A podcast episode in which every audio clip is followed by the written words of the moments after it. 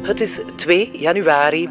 Welkom bij Vandaag, de dagelijkse podcast van de Standaard. Ik ben Niels de Keukelare. Dit is de eerste aflevering van het nieuwe jaar en daar hoort natuurlijk een toast bij en een cadeautje. We stellen u daarom een bijzondere aflevering voor. U kunt zo dadelijk luisteren naar Getekend, de podcast waarmee Elena Dicomitis de Prix Europa voor Rising Star won. Maar voor we luisteren stellen we u graag eerst de maakster kort voor in een gesprek met collega Bart Dobbelaren.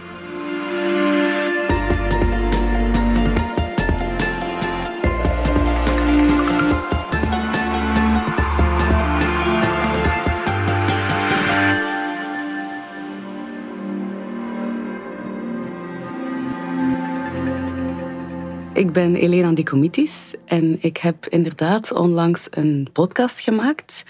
Um, en die heb ik ingestuurd voor de Prix Europa voor beginnende podcastmakers. En die is dus in de prijzen gevallen. Dat is fantastisch. Ja, dat was heel leuk nieuws. Um, ik heb uh, eigenlijk een podcast gemaakt over een thema waar ik al lang mee rondloop. Het gaat over de impact van trauma op het geheugen van kinderen. Mm -hmm. Want ik uh, werk in de humanitaire sector en daar kom ik heel vaak in aanraking met uh, vluchtelingen die enorm veel hebben meegemaakt en die eigenlijk omwille van die ingrijpende gebeurtenissen um, ja, eigenlijk geen greep meer hebben op het verleden, ook niet op, op het heden. Mm -hmm. En als je dat uh, bij kinderen ziet, bij vluchtelingenkinderen, is dat heel erg schrijnend. Want bij die kinderen zit er vaak echt gewoon zoveel in hun hoofd uh, dat die geen ruimte hebben om echt te functioneren in bijvoorbeeld een onderwijssysteem. Mm -hmm. um, dus dat heeft mij altijd heel erg aangegrepen. Uh, maar ik begreep dat enkel in abstractie, zeg maar. Um, maar toen gebeurde er iets, uh, namelijk de ontploffing in Beirut in ja. 2020. Uh, waarvan iedereen wellicht uh, de vreselijke beelden heeft gezien. En daar was ik dan op dat moment met mijn gezin. Dat was waarschijnlijk de eerste echte ingrijpende gebeurtenis um, voor uh, mezelf en voor mijn kinderen en mijn man. En toen begon ik iets beter te snappen wat een ingrijpende gebeurtenis eigenlijk kan doen met je hoofd, zeg maar. En daar ben ik eigenlijk mee aan de slag gegaan. Um, met een zekere, of heel veel voorzichtigheid, zeg maar, want het is een delicaat thema. En wat je vertelt is wel heel relevant, denk ik. Wat ik hoop ook mee te geven met deze podcast, is dat uh, traumasensitief zijn ook ergens de verantwoordelijkheid is van de gemeenschap. Het lijkt mij wel heel belangrijk dat we ons daar bewust van zijn dat er echt wel heel veel kinderen rond ons lopen die enorm veel hebben meegemaakt en dus een zekere onzichtbare bagage mee hebben. En dat we allemaal uh, ja, ons steentje kunnen bijdragen om hen vooruit te helpen. En soms betekent dat precies niet altijd gewoon vooruitkijken, maar soms is achteruit durven kijken. Dus ik ga er niet veel over zeggen, want dat komt aan bod in de podcast. Maar uh, ja, dat is toch wel, um, ik denk, de hoofdboodschap van de podcast: dat wij heel vaak worden afgerekend, zowel volwassenen als kinderen, op het gebrek aan samenhangend verhaal. Als mens moet je echt kunnen zeggen: ik kom hier vandaan en ik ga hier naartoe. Ja. Zelfs Ook als hier vandaan zo beladen is met hele negatieve indrukken. Ja. Precies. En we worden daar, ja, mensen worden daar heel snel op afgerekend in asielprocedures, in het onderwijs, in het dagelijkse leven, een sollicitatiegesprek. Het zit echt heel hard ingebakken in onze maatschappij om uh, een heel samenhangend verhaal over je verleden te kunnen vertellen. Mm-hmm. Maar soms kan dat gewoon niet omwille van uh, trauma en wat dat met een hoofd doet. Dankjewel. En dan gaan we nu luisteren naar je podcast.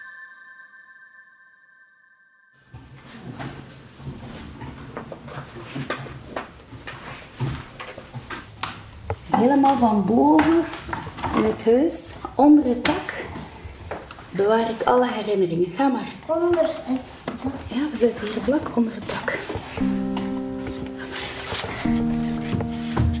Dat is hier in een van deze kastjes. Kijk eens in de kast.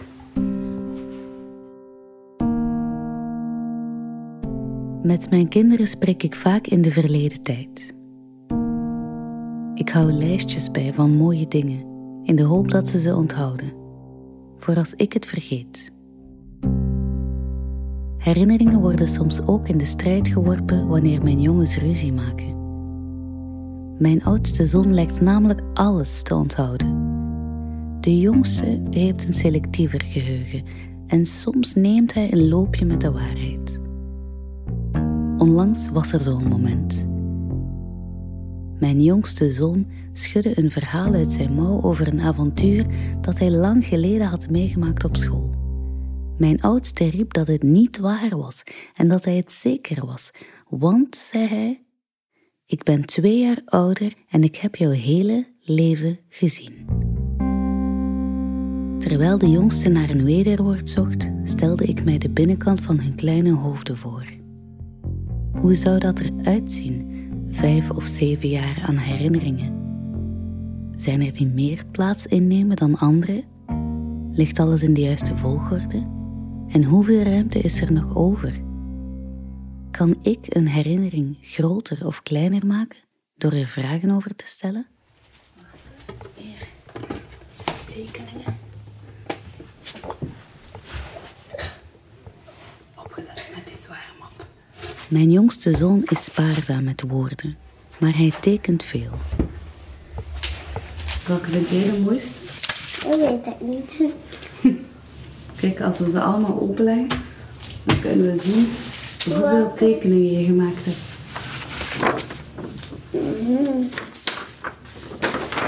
Ik heb die helemaal van Palestina en van Libanon naar hier mee verhuisd. Geef ze maar allemaal mee. Over één tekening wil ik meer weten, want het is een twee jaar oude herinnering, verstopt in de gedachtenwolk van een huilend kind op papier. Herken je deze tekening nog? Nee. Deze was van in België. Je hebt dat gemaakt met juffrouw Eline. Ik heb die ook bijgehouden. Herken je nog wat erop staat? Ik herken het niet meer. Denk eens diep na. Het zijn twee mannetjes. En Wat zie je? Ma- mama! Nee, ik wil niet. Doe... Nee, ik kan het niet zeggen. Ik heb twee ventjes getekend. Een blij ventje en een triest ventje. Nee, laat maar. Laat dat gewoon. Oké. Mag ik niet weten wat dat, dat erop staat? Nee. Het is een blij ventje en Ik een weet het zelf niet. Dus nee. Mijn zoon weet wel wat hij getekend heeft, want hij heeft het me zes maanden geleden verteld, toen hij met de tekening in zijn boekentas thuis kwam. Ik heb zijn woorden er toen in potlood bijgeschreven en de tekening in een mapje gestopt. Het zit in een harde kaft in een kastje op zolder. Sindsdien volg ik de ongeschreven regel dat een mens in het leven vooruit moet kijken. We spreken steeds minder over de herinnering. Maar hoe kleiner we het verleden proberen te maken, hoe groter de betekenis wordt van de tekening op zolder. We kiezen niet zelf wat we onthouden, en al zeker niet wat anderen onthouden. Mijn zoon was vier jaar toen het gebeurde. Wordt dit misschien zijn vroegste herinnering? Met hoop op meer inzicht spreek ik met juf Eline af in de kleuterklas, waar mijn zoon de tekening maakte.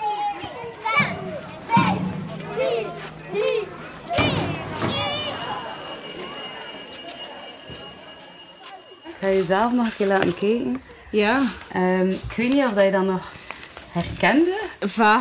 Het is lang, Ja, er ook veel passeren natuurlijk. Ja, inderdaad. Dus eh, ja, we werkten eh, een, een week rond gevoelens. En dus elke dag kwam een bepaald gevoel aan bod. En dan konden ze dat in de tekenhoek ehm, ja, verwerken aan de hand van een tekening. En deze tekening, denk ik, dat dat komt van Phineas, van een moment dat hij dat ergens terug herbeleefde van wat hij had meegemaakt in Libanon. Je ziet het ook hier... ehm, Gebogen over de zes maand oude tekening speculeren juf Eline en ik over het lachende en huilende kindje op Dat papier. is hier waarschijnlijk geluid, de knal. Ik vraag de juf of mijn zoon in de klas wel eens spreekt over de ontploffing die we van dichtbij meemaakten. echt fragmentjes flardes, echt eh, details kende hij niet. Maar eh, ja, die ontploffing kwam steeds terug en, eh, en huilende mensen en veel lawaai en, en verdriet. Voor mijn zoon horen alle flarden van herinneringen bij dat ene moment. De ontploffing in Beirut op 4 augustus 2020. Het is de enige piek op een verder zorgeloze levenslijn. En toch blijf ik zoeken naar een bevestiging dat hij dit verwerkt heeft. Wat we denken vergeten te zijn, kan plots toch weer opduiken.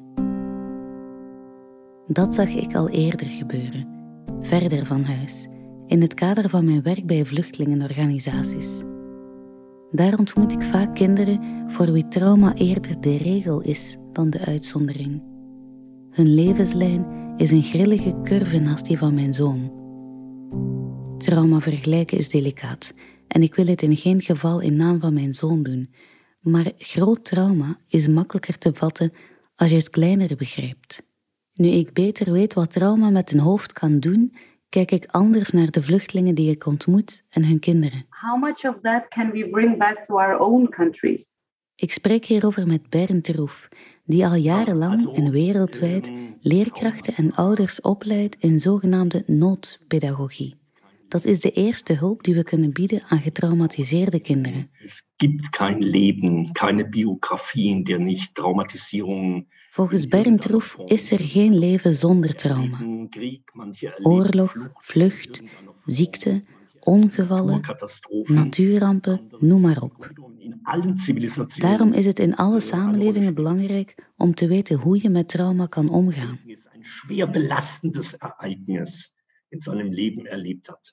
Bij heel ingrijpende gebeurtenissen heeft een kind vooral de ruimte nodig om uitdrukking te geven aan emoties. Durch Zeichnen, durch Tanzen, Dat kan door tekenen, dansen, zingen of andere vormen van kunst. durch künstlerische Methoden. Bernd Roef maakt duidelijk dat dit geen therapie is. Notfallpädagogik ist keine Therapie. Maar voor vele kinderen kan expressie alleen al een natuurlijk herstel van trauma op gang brengen. Vluchtelingenkinderen die op jonge leeftijd herhaaldelijk aan traumatische ervaringen werden blootgesteld, hebben soms wel therapie nodig. In traumaonderzoek worden ze vaak omschreven als kinderen met broken lifelines. Hun herinneringen zijn zodanig gaan schuiven dat ze het heden en het verleden moeilijk uit elkaar kunnen houden. Het klinkt best abstract, maar in mijn zoektocht vind ik iemand die er meer over weet.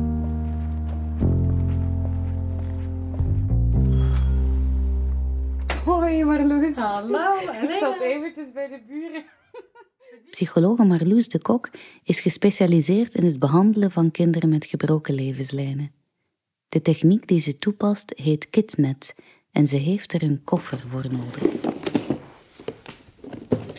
En dan gaat dit zo open en dan ehm, nou, begin ik eigenlijk met uitleggen dat er een touw in zit. En dat het touw eh, symbool staat voor iemands leven. Dus dat we een touw met elkaar kunnen neerleggen. En ehm, nou, het begin van het touw is dan eigenlijk de geboorte. En ehm, leggen we touw tot hoe oud het kind nu is. En dan blijft een gedeelte opgerold voor de toekomst.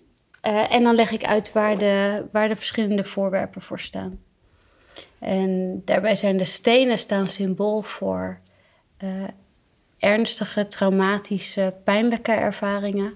Ehm, de bloemen staan symbool voor ehm, ja, momenten van trots, blije momenten. eh, mensen die je dierbaar zijn, belangrijke, liefdevolle momenten in je leven.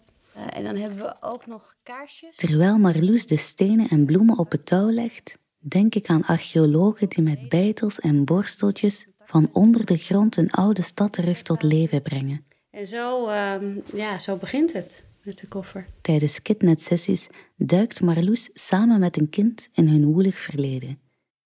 Van bij de geboorte, Eh, beschrijf eens de, de plek van je geboortehuis. Ja. langs alle bloemen en stenen, tot op heden. En zo komen daarna de andere verhalen. Nadat Marloes samen met het kind in vogelvlucht door het leven is gegaan, bekijken ze in elke therapiesessie een steen en één of meerdere bloemen van dichtbij. De eerste keer dat het veranderde was bij een grote bomaanslag, vlak bij mijn school. Nou, en dan zeggen we: Oké, kies een steen uit. Welke steen vind jij er goed bij passen? Gaat een kind een beetje zoeken. Daarbij verbinden ze de koude en warme herinneringen die bij éénzelfde gebeurtenis horen. En koude herinneringen zijn waar was het, wanneer was het, eigenlijk de autobiografische herinneringen die iemand kan oprakelen. En de warme herinneringen, de, de hot memories, uh, is het zintuigelijke, de sensaties. Geur, wat je ziet, hoort, wat je voelt in je lijf. En dat uh, gaat meer onvrijwillig. En die sensaties verbinden met de context zorgt ervoor dat het beter geïntegreerd raakt.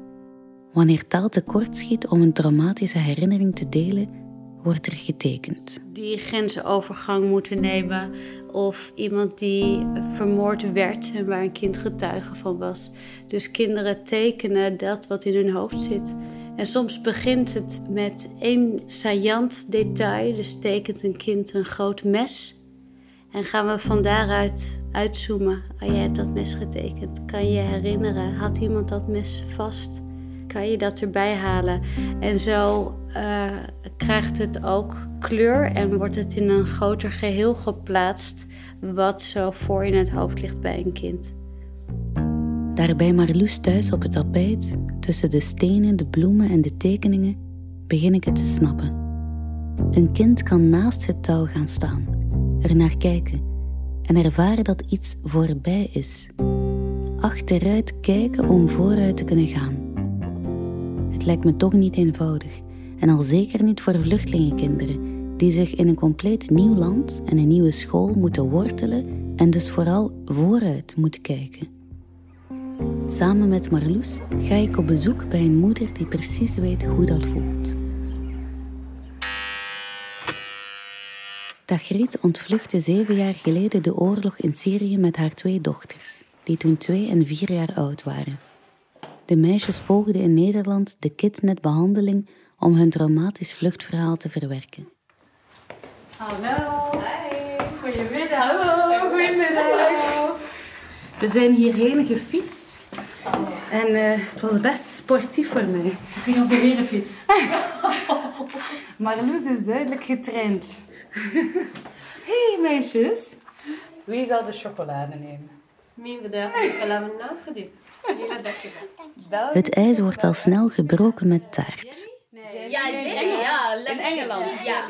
En terwijl ik verontschuldigend toegeef dat ik ondanks vijf jaar in het Midden-Oosten geen Arabisch spreek, komt een vriendin van Tagriet aan die zal tolken voor ons. Moeilijk taal. Heel moeilijk.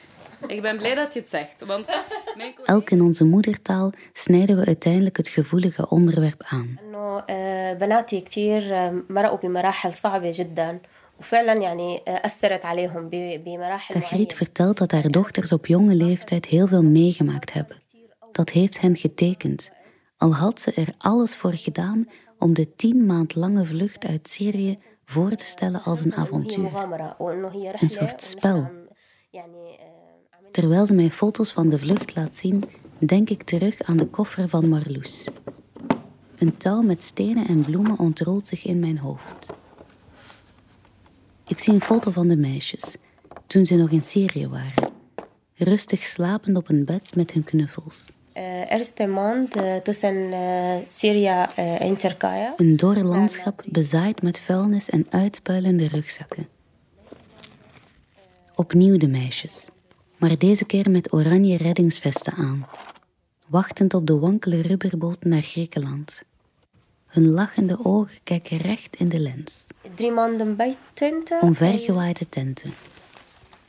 Netjes opgemaakte veldbedjes met wat speelgoed eronder.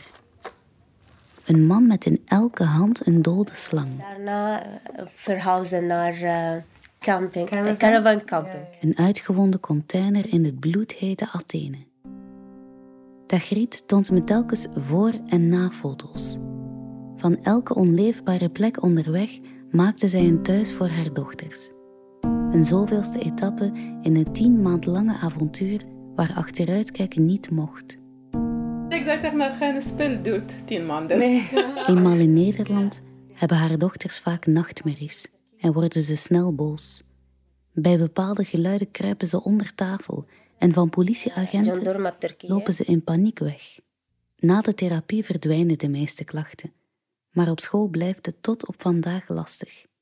En vooral die boodschap wil Tagrit delen met leerkrachten en andere ouders van getraumatiseerde kinderen.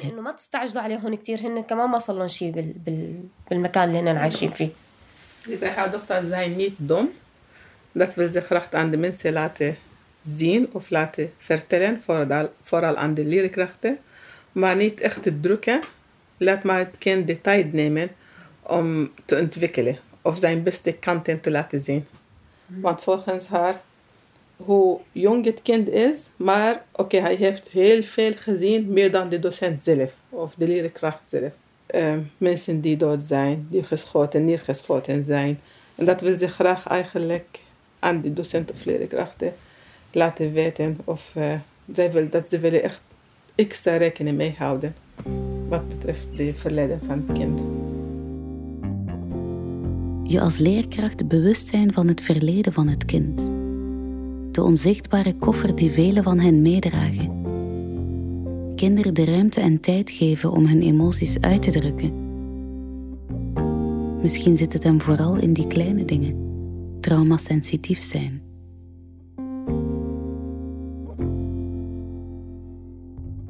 Ik had nog wel een belangrijke vraag en dit zal heel simplistisch klinken, maar dus mijn zoon die was vier toen die ontploffing in Beirut gebeurde. Ja. Ik was toen 34. Ja. Is dat traumatisch incident in zijn hoofdje nu even groot als in mijn hoofd? Hij heeft minder jaren op zijn teller staan. Ja. Heeft dus minder herinneringen, minder context om dat in te gaan plaatsen. Ja.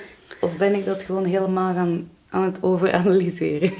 Nou, ik zou je het liefst willen vertellen dat het voor hem minder erg was dan voor jou. Maar ik denk dat het omgekeerde waar is. En dat is dus ook een pijnlijke waarheid, omdat ouders uh, heel vaak hopen dat het wel meeviel, want hun kind was toch zo jong. En dan worden ze wel een illusie armer, want kinderen hebben het uh, meegemaakt, maar ze hebben er wat minder de woorden voor en ze kunnen het wat minder goed in de context plaatsen. Maar ze waren er middenin. En de, die tekening is van jouw dochter. Hoe, Ook Tagriet houdt krampachtig vast aan een tekening van haar dochter, die weinig aan de verbeelding overlaat. We zijn het erover eens. Het ouderschap maakt kwetsbaar. Onze kinderen tekenen wat wij willen uitgommen. Achter die grens, mijn hart is kapot.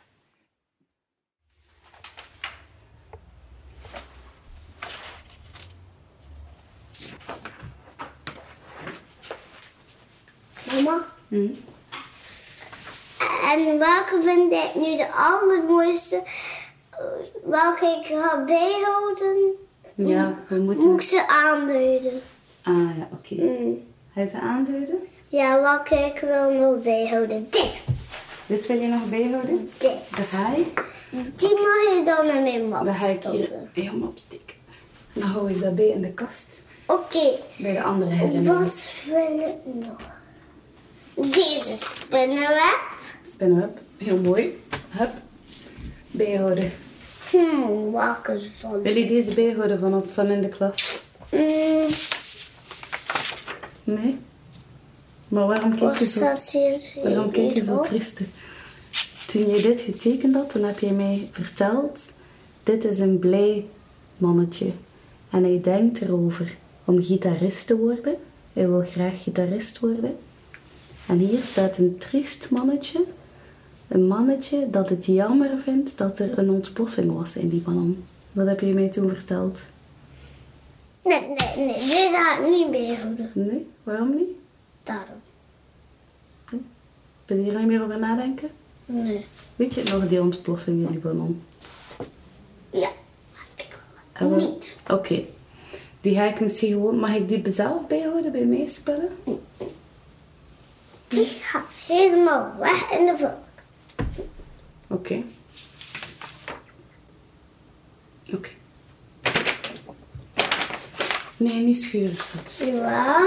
Ik zal er nog eens over nadenken. Dit was Getekend. Mijn naam is Elena Dikomitis. Ik maakte deze documentaire in het kader van de Oorzaken Podcast Academy. Een initiatief van Oorzaken en het NPO-fonds. Eindredactie door Randy Vermeulen, mixage door Tijme Bergman en muziek van Blue Dot Sessions. Ik had het verhaal niet kunnen maken zonder Tagriet en Marloes, die voor mij iedereen en alles stilhielden. Ik denk dat we de kat eh, de deur uit moeten zetten. Poezen, eksters, kinderen en mannen. Hun openheid en ervaring hebben voor mij tastbaar gemaakt wat trauma kan doen met het hoofd van een kind en hoe we kinderen kunnen ondersteunen. Bedankt voor het luisteren. Heel erg bedankt. Mag ik jou een kus geven? Dag. ook aan je man. Ja, ik kan weer